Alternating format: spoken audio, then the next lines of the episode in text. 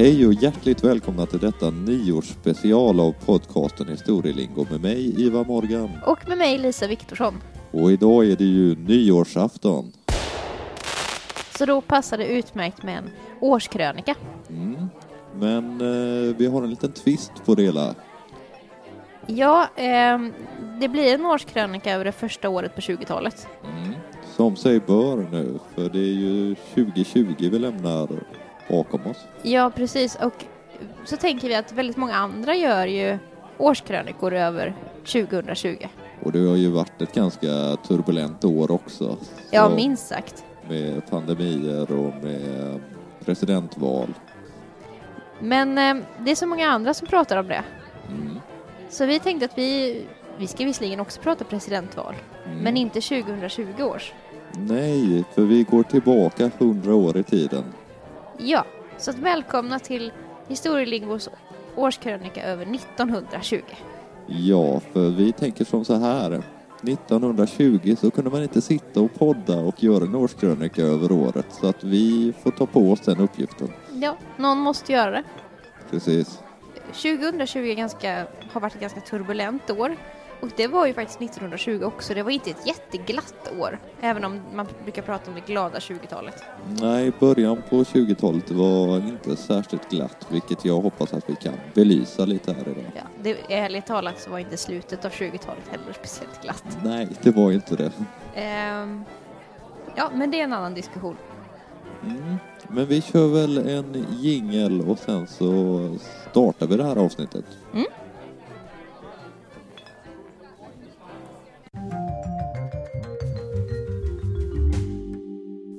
Nåväl, vad är det första som du har tänkt prata om idag? Ja, 1920 så får Sverige sin första kvinnliga pilot. Mm. Spännande. Eller som det kallades i samtiden, aviatris, Ja, Beatrice, ja. alltså flygare. Och eh, hon heter Elsa Andersson. Mm. Och just 1920, på sommaren i juli 1920, så får hon sitt flygcertifikat Ja, okej. som första kvinna. Och då var inte bara som första kvinna, utan det här var ju ett väldigt nytt yrke Ja, för alla naturligtvis. Det fanns inte speciellt många män heller som var, eh, hade det här certifikatet. Men jag tänkte vi kan väl prata lite om vem Elsa Andersson var, för hon är ändå en relativt känd aktör i svensk historia tror jag. Mm. Många har sett bilder på henne i flygare. Ja, hon Mössa brukar ha sån, och- precis en sån där mössa ja, med något slags hundöron eller vad det kallas som går ner. Ja, skinnmössa så, Mm. och sen ofta då eh, fallskärmsutrustning på ryggen. Mm. Och ett par eh, goggles. Ja. Eh, men hon var född i Ängelholm, eller utanför Ängelholm, i en ort som heter Ströveltorp Mhm. i april 1897. Okej. Och eh, ja, redan i tonåren så kommer hon i kontakt med flygplansvärlden. Eh, när hon är i Åstorp i Skåne på en eh, flyguppvisning av dåtidens stora flygarstjärna i Skåne som heter Enok Thulin. Mhm. Och han hade en eh, flygplansfabrik i Landskrona. Och Okej. han, det var också han som drev eh, flygarutbildningen på Ljungbyhed. Ja, okej. Och, Och eh, Elsa var då 16 år när hon ser den här uppvisningen. ja, det måste ju varit helt fantastiskt på, på den här tiden att se någon uppe i, i skyn liksom, flyga. Ja, det måste varit helt obegripligt. Snacka om science fiction. Ja, verkligen. Och Elsa är då som sagt 16 år på den här uppvisningen. Och man gjorde ju ofta sådana här flyguppvisningar, alltså som bara var till för att folk skulle få titta på. Mm, man Så. kanske gjorde någon loop eller något. Mm, och fly, folkfest. Jag kommer att tänka på en scen i Madicken. Just det, jag hade faktiskt också den på näthinnan. Ja. De är ute på någon slags äng och ser en flyguppvisning. Ja, precis. Och, och borgmästaren får åka med och göra en looping. Och det hände en liten olycka efter det kan man säga. Ja, just det. Fast inte, ingen flygplanskrasch. Utan det får bli ett bad efteråt för borgmästaren. Mm. I alla fall, eh, Elsa blir helt betagen av den här flyguppvisningen och redan då har hon bestämt sig för att hon ska bli flygare. Mm. Men hon är väl lite väl ung så att hon får vänta några år. Du sa att hon var född eh, 1897 va? Mm. Och hon får sitt flygcert eh, 1920 så hon tog det vara 23 år gammal va? Precis, det var hon. Men eh, vägen till den här, det här flygcertifikatet, det tog hon via eh, Thulins flygskola på Ljungbyhed. Mm. Alltså samma flygskola som den här eh, mannen som gjorde uppvisningen Ja, det var han som drev. där ja, var precis. verksam inom. Han, det var han som drev eh, den här flygskolan på Ljungbyhed. Enok Thulin. Och eh, hon får certifikat både för att flyga privat Okej, och för att flyga militärt. mm, det är ju spännande. Och hon får det då som första, första kvinna i Sverige. Och eh, Enok Thulin, hennes lärare, får tyvärr aldrig uppleva att hon får sitt flygcertifikat. Nej, För han eh, dör i en flygkrasch i Landskrona eh, 1919. Så han får inte se sin adept liksom färdig, utbildad. nej det, det måste ju varit lite sorgligt att han dör året innan där. Den här utbildningen var inte gratis. Nej, det kan jag tänka mig. Den kostar 2000 kronor. Och 2000 kronor 1920 det var väldigt mycket mer pengar. Eller 19, ja, 1919 då som blev antagen. är väldigt mycket mer pengar än vad 2000 kronor idag är. Mm, självklart. Men Elsas far hostar upp de här 2000 kronorna och ehm, det kan ju verka helt vettlöst eh, att låta sin dotter vara, gå en flygarutbildning som ju var väldigt, det var väldigt farligt framför allt. Eh, men han gör detta och ehm, han gör det kanske för att han har växt, eller Elsa har växt upp utan sin mor som dör i Mm. barnsäng när hennes lilla syster föds, när Elsa är liten. Ehm, så att hennes far, han host, hostar upp pengarna och eh, hon får gå utbildningen. Men Elsa nöjer sig inte med att ha flygcert. Nej. Hon vill också bli fallskärmshoppare. Mm. Och det här var ganska nytt i Sverige. Det fanns inte Ja, direkt någon utbildningsmöjlighet. Ja, det kan jag tänka mig. Så, Så, då var man tvungen att söka sig till något annat land, antar jag. ja, till Tyskland, Berlin, eh, sökte hon sig till. Till Otto Heinikes flyg, flygskärmsskola, eller flygskärmsutbildning i Berlin. Och ehm, ja, hon går den här utbildningen och kommer hem till Sverige och sen så börjar hon hoppa för Mm. publik då. Det var ju så man gjorde, att man Mm. gjorde fallskärmshopp inför publik på de här upp, flyguppvisningarna. Elsa kom att göra fem fall- fallskärmshopp Mhm. och det första det gör hon i Kristianstad i Ja, okej. oktober 1921. Eh, och det var tusental ungefär eh, i publiken. Och det går bra. Hon hoppar ut och eh, hon gör sen några andra hopp i Skåne. Mm. Och sen så gör hon sitt femte och sista hopp i Askersund. Mm. Det låter som olyckan är framme nu. Ja, det är den. För att i januari, 22 januari 1922 så gör Elsa sitt sista fallskärmshopp och hon går ut på flygplansvingen eh, Mm. och vinkar glatt till piloten och sen så dyker hon eh, med huvudet före. Det var så man gjorde. Man kastade sig ner med huvudet före. Mm. Och någonting går väldigt fel och hennes fallskärm utvecklas inte. Eh, teorin är att hon har på något vis snörat in sig i armen och fastnat i eh, Ja, okej. utlösaren då.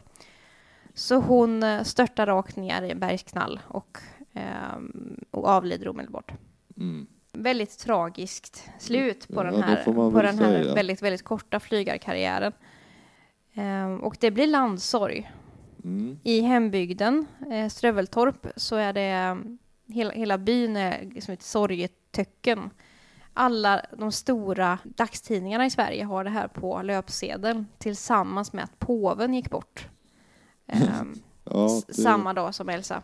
det säger ju någonting om hur omtyckt hon var. Ja, hon var verkligen en... Det skrevs spaltmeter om henne under den här korta karriären hon hade. Det får ett väldigt tragiskt slut. Hon är bara 24 år gammal. Och det här är, får sån uppståndelse att det till och med i hovet sörjs. Ja, okej. Och eh, drottning Victoria skickar ett personligt brev till Elsas far där hon beklagar sorgen. Mm. Och inte nog med detta, när väl begravningen ska äga rum så är det en begravning utan dess like. Det är tusen stycken deltagare i begravningen. Mm. Det är många. Det är extremt mycket folk eh, i den här lilla, lilla byn utanför Ängelholm. Och eh, hon får sin gravsten med en bild på sig själv Mm. och eh, med en flygplanspropeller. Mm. Och med orden Skandinaviens första och enda aviatris.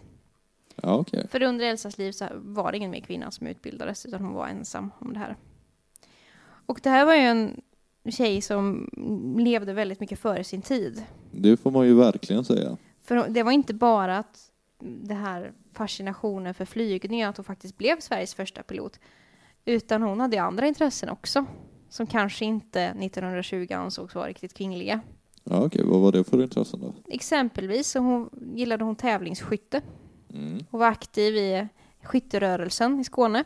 Mm. Och eh, hon tog körkort 1919, vilket ju Mm. var väldigt ovanligt som kvinna eh, så tidigt i Mm. bilhistorien så att säga. För att jag tänker om man kan ratta ett flygplan ska det ju inte vara några problem att ratta en bil. Nej, absolut inte. Jag tycker ofta att hon är ihågkommen med olika reportage och sådär och många har nog sett bilderna när hon står i sin flygar, flygardräkt. Mm. Men det är väldigt, väldigt tragiskt och en väldigt kort karriär. Mm. Ehm, Ja, men det som hade med 1920 att göra var att hon fick sitt certifikat i handen Certifikat ja. eh, i juli 1920. Ska vi gå vidare? Det gör vi.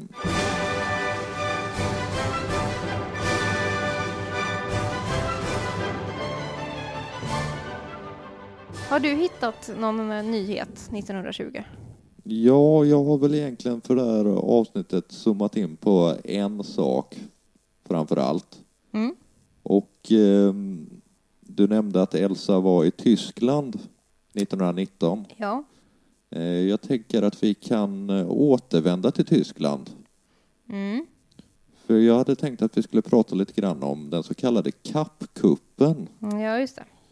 Och eh, den äger då rum 1920, men för att förstå den så behöver vi kanske en lite kort bakgrund över vad Tyskland eller Weimarrepubliken egentligen var för land. Ja, det har ju hänt ganska mycket under det sena 1800-talet och tidiga 1900-talet i Tyskland. Mm, det, Eller dagens Tyskland ska vi väl säga.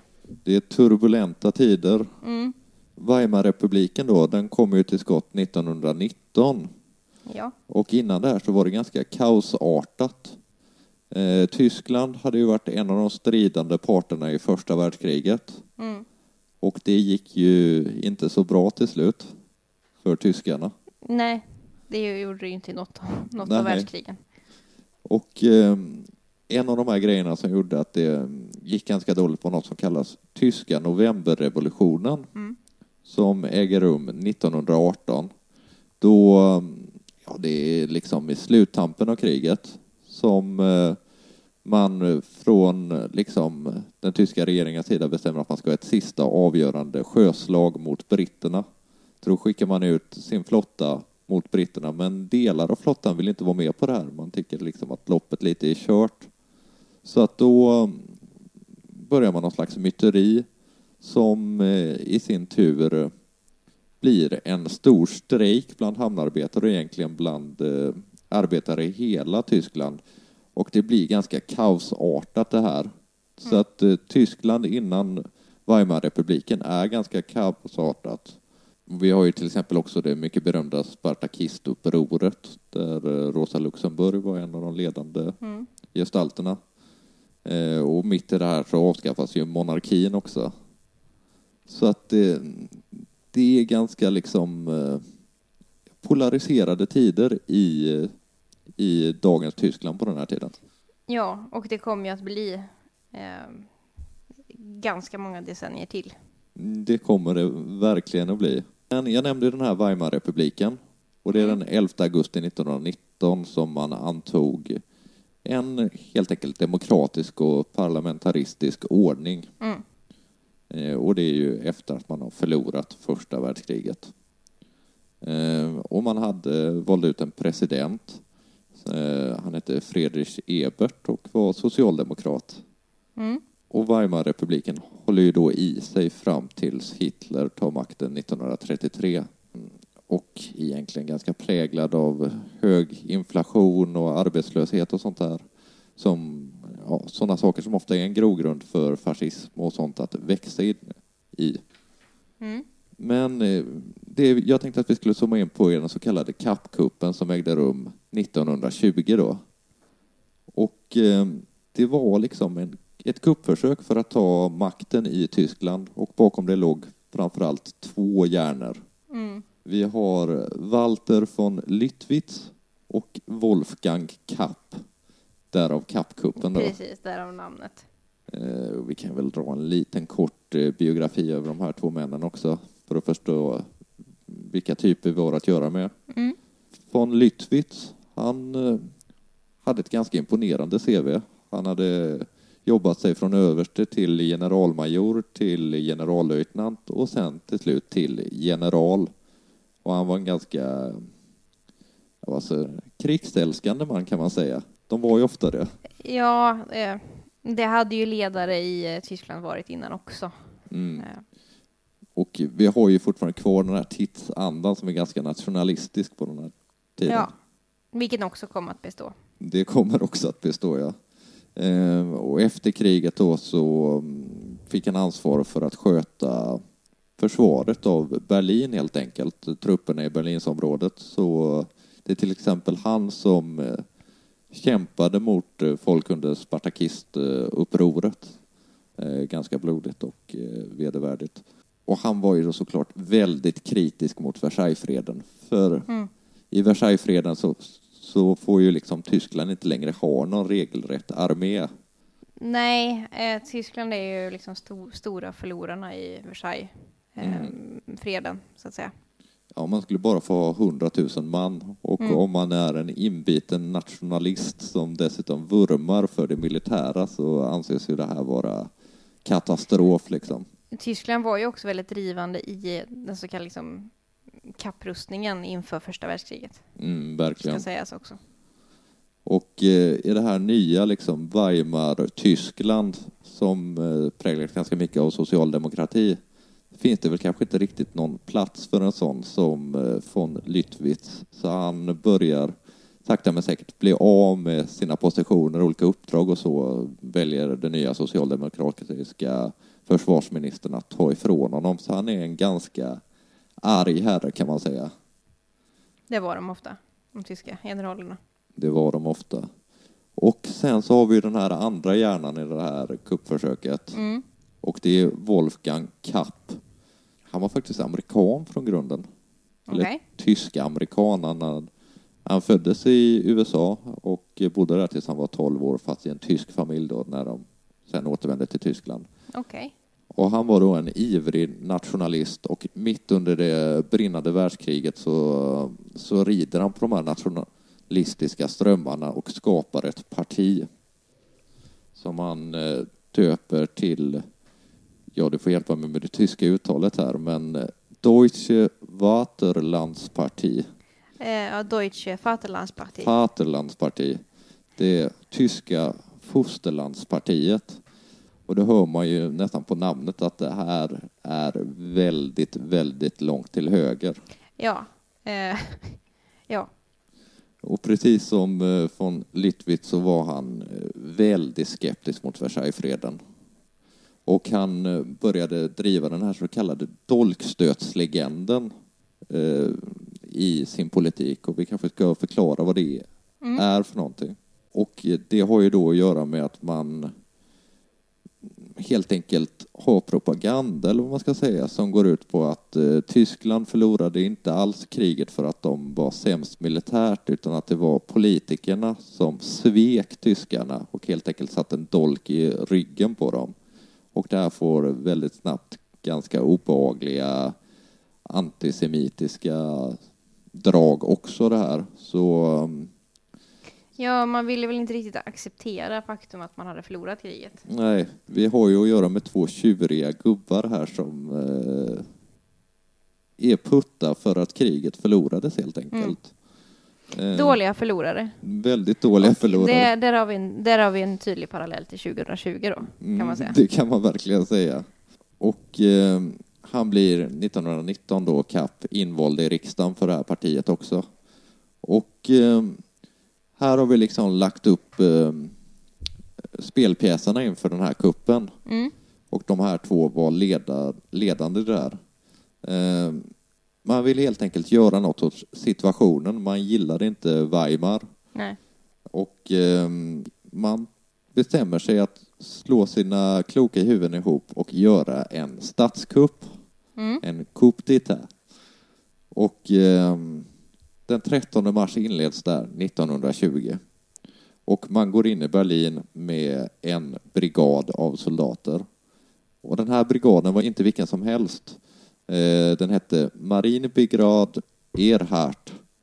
Och de var i sin tur, de medlemmarna i den här brigaden, de var i sin tur missnöjda eftersom deras brigad skulle läggas ner på grund av eh, det man hade beslutat med att eh, militären bara skulle få vara 100 000 personer. Mm. Och en annan kuriös detalj med det är att brigaden hade gjort svarstikan till sin symbol. Så de gick runt med svarstikor på, ja, och på det, hjälmar och sånt. ja, det är då redan 1920. Det är 1920. Fast svarstikan var inte lika politiskt laddad 1920 som den var, kom att bli senare. Nej, det, nej.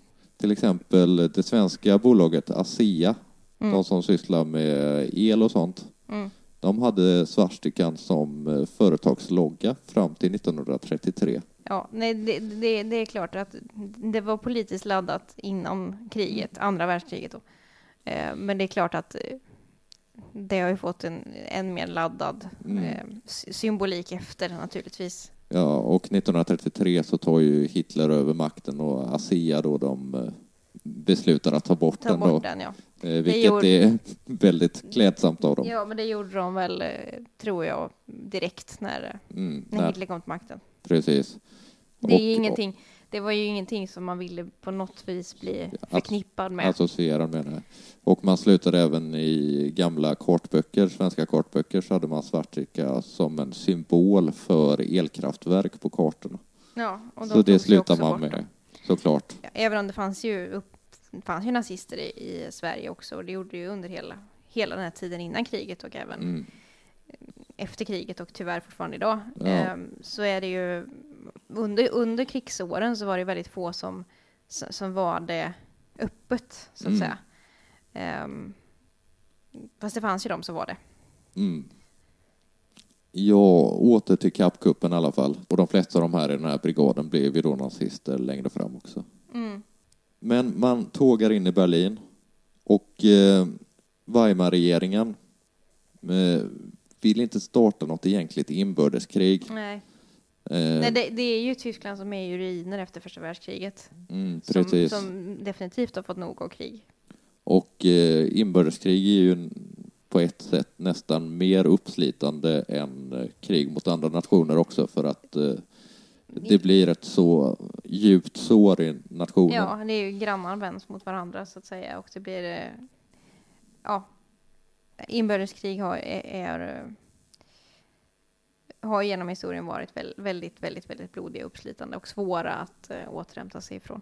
Mm. Vilket givetvis gäller med vanliga krig också, men, men det blir mm, som du säger, det, det blir vänner blir fiender på ett sätt som är eh, besvärligt. Mm, det får man minst sagt säga.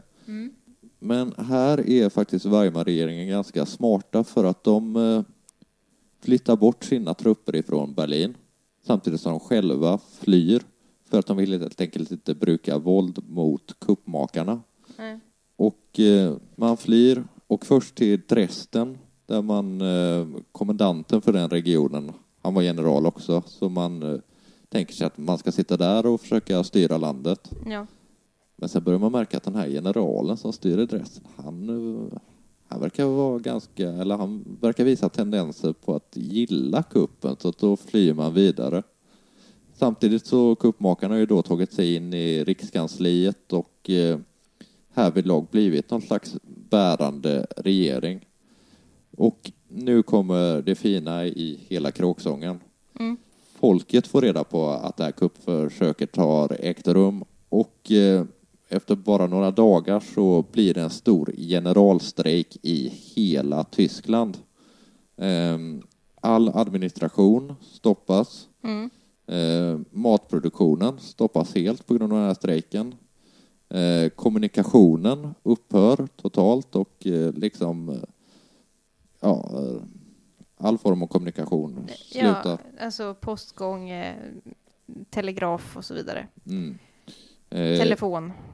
Elen stängs helt av. Mm. Vattnet stängs av. Och på det här sättet så kan man liksom kväva den här kuppen i sin linda. Själva idén med kuppen krakulerar totalt för folket tar inte liksom eh, ställning för kuppmakarna. Nej. Utan landet fungerar helt enkelt inte. Och eh, på det sättet så avslutas kuppen och kuppmakarna får fly.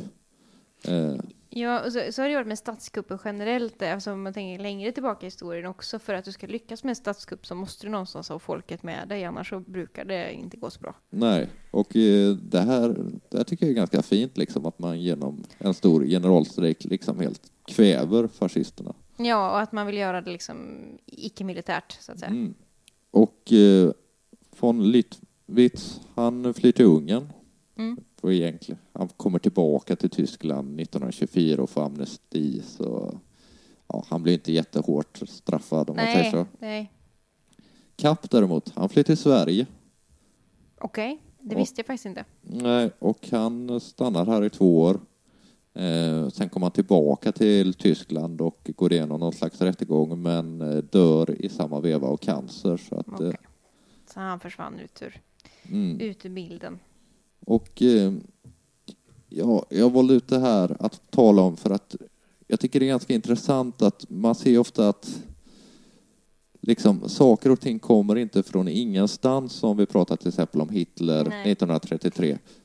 1920 var samma år som Hitler blev professionell politiker, Mm. eller vad man ska säga. Det var då han slutade med allt annat och helhjärtat ägna sig åt eh, så kallad politik.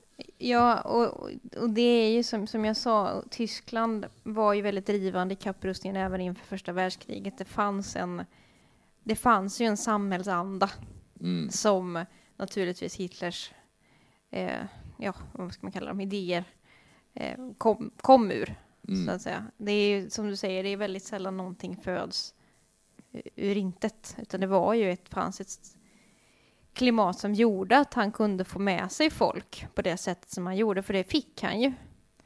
Det var inte så att han bara tog makten och sen hade han den, utan han fick ju faktiskt med sig folk Mm. på det. Extremt mycket folk.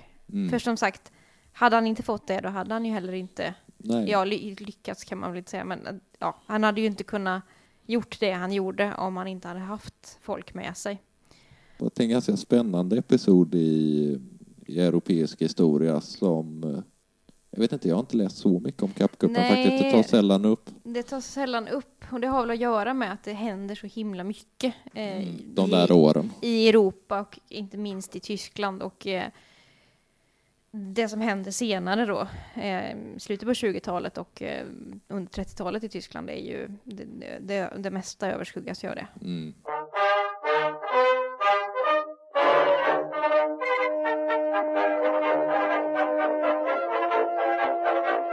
Eh, vi ska stanna i politiken tänkte jag. Mm. Och jag ska lite knyta an till kappkuppen, eller inte till kappkuppen men till ditt ämne. Ja, okej. Men eh, någonting, ändå någonting helt annat. För samtidigt som den här utvecklingen sker i Tyskland Mm. så finns det ju i omvärlden ett stort engagemang för fred.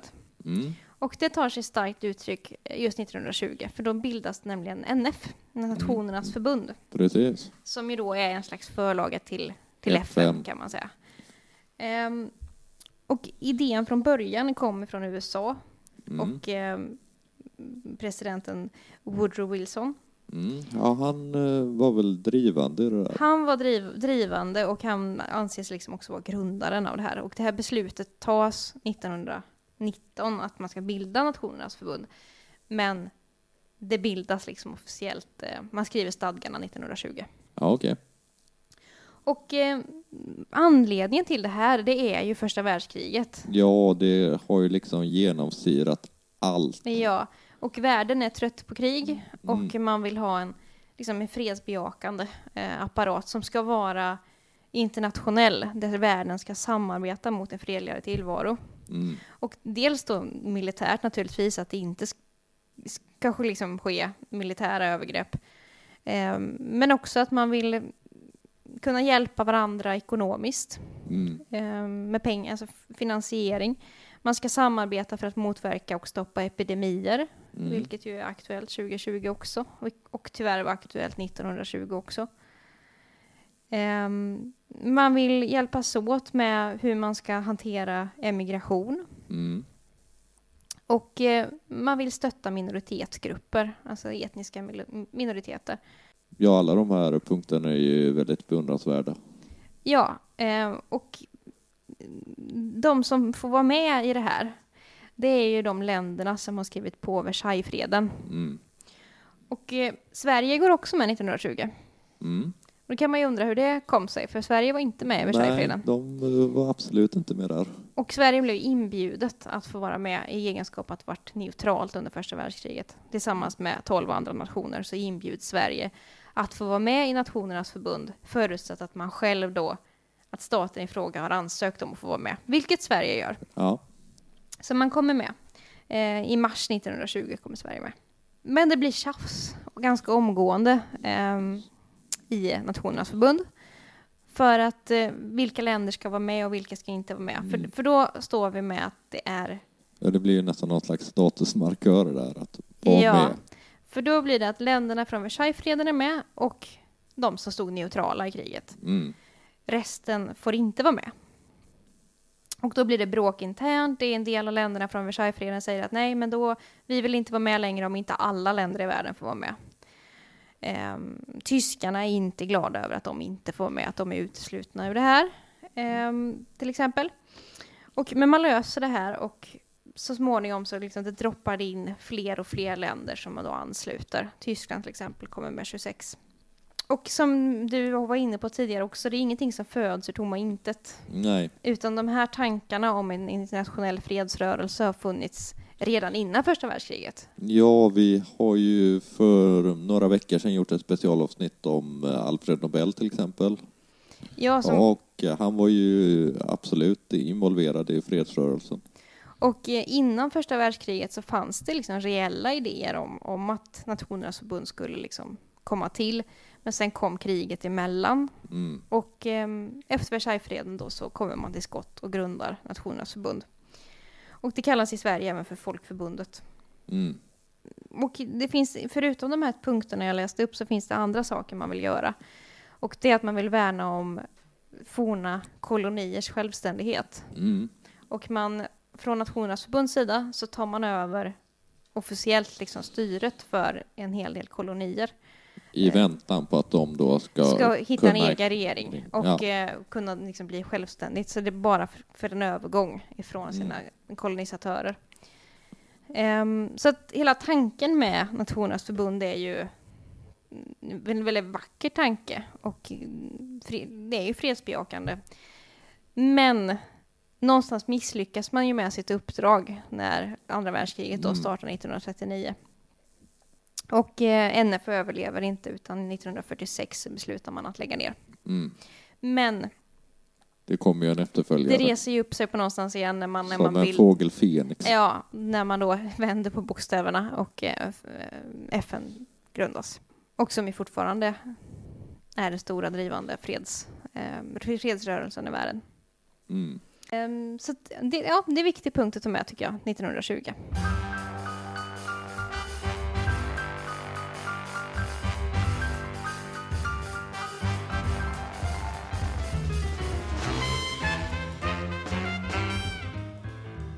Om vi hoppar fram till 2020 Mm. så har det ju varit presidentval eh, nyligen Det har det varit. Det tror jag inte har undgått någon. på andra sidan Atlanten.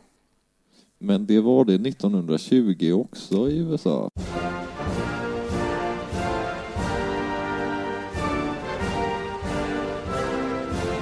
Passande nog så var det även ett presidentval 1920 så vi måste ju säga något om det också. Mm. Det är ju första valet som eh, alla kvinnor får rösta i USA. Ja, det är ett historiskt presidentval som sker då den 2 november 1920. Ehm, tidigare så har en del kvinnor fått rösta. I, eh, ungefär, ja, I 27 stater så har kvinnor fått rösta. Mm. Men 1920 så är första valet där alla kvinnor i hela USA, i alla delstater, får rösta. Mm. Och ehm, det är någonstans också då, ja, så det, det är ett st- stort steg för, Ja, för kvinnorörelsen i USA. Ja, för hela den amerikanska demokratin så är det ett supersteg. Ja, och det är ju i samma tidevarv som eh, många europeiska länder också får kvinnlig rösträtt. Mm. Men då undrar man ju, vilka var presidentkandidaterna? Ja, var de lika färgstarka som eh, 2020 års Ehm, upplaga? Jag tror aldrig att eh, det har funnits färgstarkare presidentkandidater eh, än 2020. Ehm, det har nog aldrig varit ett så infekterat presidentval någonsin. Men eh, 1920 är det kanske ett ovanligt blekt presidentval. Ja, okej. För vi har två amerikanska partier som är ganska stukade och har ganska dåligt självförtroende inför valet. Eh, vad kommer det sig då? På Republikanernas sida då så har de sin stora liksom, hjälte Theodore Roosevelt.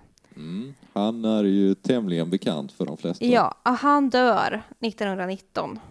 Och Republikanerna har lite svårt att hantera det. Och få till liksom en, en, en valrörelse och ja, de blir stukade av det. För han var ju den stora liksom, eh, rösten för Republikanerna. Och Demokraterna å sin sida har ännu större problem.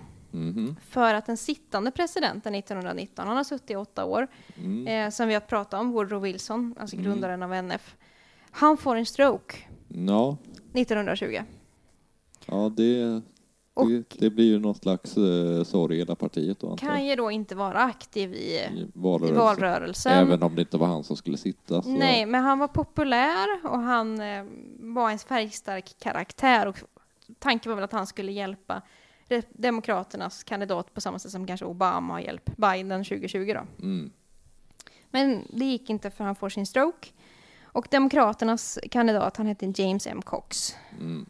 Och det blir storslam för Republikanerna. Mm. De vinner stort det här valet. Och det blir deras kandidat Warren G. Harding som blir USAs president.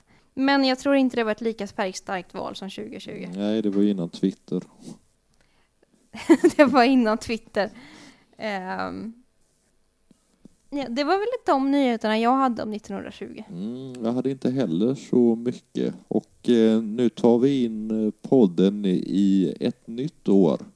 Ja, eh, tanken var väl att den här årskrönikan skulle vara liksom som en sån nyårskaramell med eh, men, men det blev ganska dåliga nyheter, eller ganska deppiga det, det blev nyheter. ganska deppigt, men, Ehm. men det var ju ett deppigt år 1920 Ja. på många sätt. Men USA fick, eh, kvinnor i USA fick rösta för första gången. Ja. Och Sverige fick sin första kvinnliga pilot. Mm. Sen så dog ju hon tragiskt två år senare, men det var ändå ett statement att 90, redan 1920 så hade vi en kvinnlig pilot i Sverige. Mm. Och eh, om vi ska säga någonting positivt eh, förutom det så är ju Gandhi sätter igång sina icke-våldskampanjer i Indien 1920 också. Ja, och Nationernas förbund är ju Mm. också någonting positivt naturligtvis. Ja, nej men vi, vi ska väl skåla oss in i eh, 2021. och hoppas att det kanske blir ett lite händelsefattigare år än 2020. Mm, Det får vi verkligen hoppas. Och eh, vill ni skriva till oss om någonting under det nya året eller innan midnatt för en del i det här på när året man lyssnar. så har vi en e-mailadress. Eh, ja, och det är historielingo.gmail.com. Och vi finns på sociala medier också. Ni hittar oss på Instagram och där heter vi kort och gott historielingo. Det stämmer. Ehm, så med det sagt så vill vi väl önska alla, till att börja med kanske vi vill tacka alla våra lyssnare. Ja, tack för att ni har lyssnat eh, under vårt första verksamma år här. Eller vi har inte hållit på riktigt ett år, men Nej, men det första kalenderåret i alla fall. ja. Ehm, ja, tusen tack för att ni lyssnar och för att ni har lyssnat ända till slutet på det här avsnittet. Och fortsätt gärna lyssna. Ja, jag hoppas ni vill följa med oss in i nästa, nästa år. Och ehm, Så får vi se hur vi lägger upp det då. ja, det kommer nog ske lite förändringar i, i historielingo kan vi Mm. säga. Eh, I vår i vårt upplägg. Men Mm. det kommer ni bli varse. Det Mm. lovar vi. Det blir vi också när vi väl har beslutat oss för dem. Och lyssnar ni idag, den 31 december, så vill vi väl passa på att önska er ett riktigt gott nytt år. Ja, gott nytt år på er. Och lyssnar ni senare så får vi önska er ett fortsatt gott 2021. Och lyssnar du flera år i framtiden så, Så hoppas vi att ni har det bra då också. det gör vi. Men tusen tack för 2020 och eh, så ses vi nästa år helt enkelt. Det gör vi. Gott nytt år! Gott nytt år.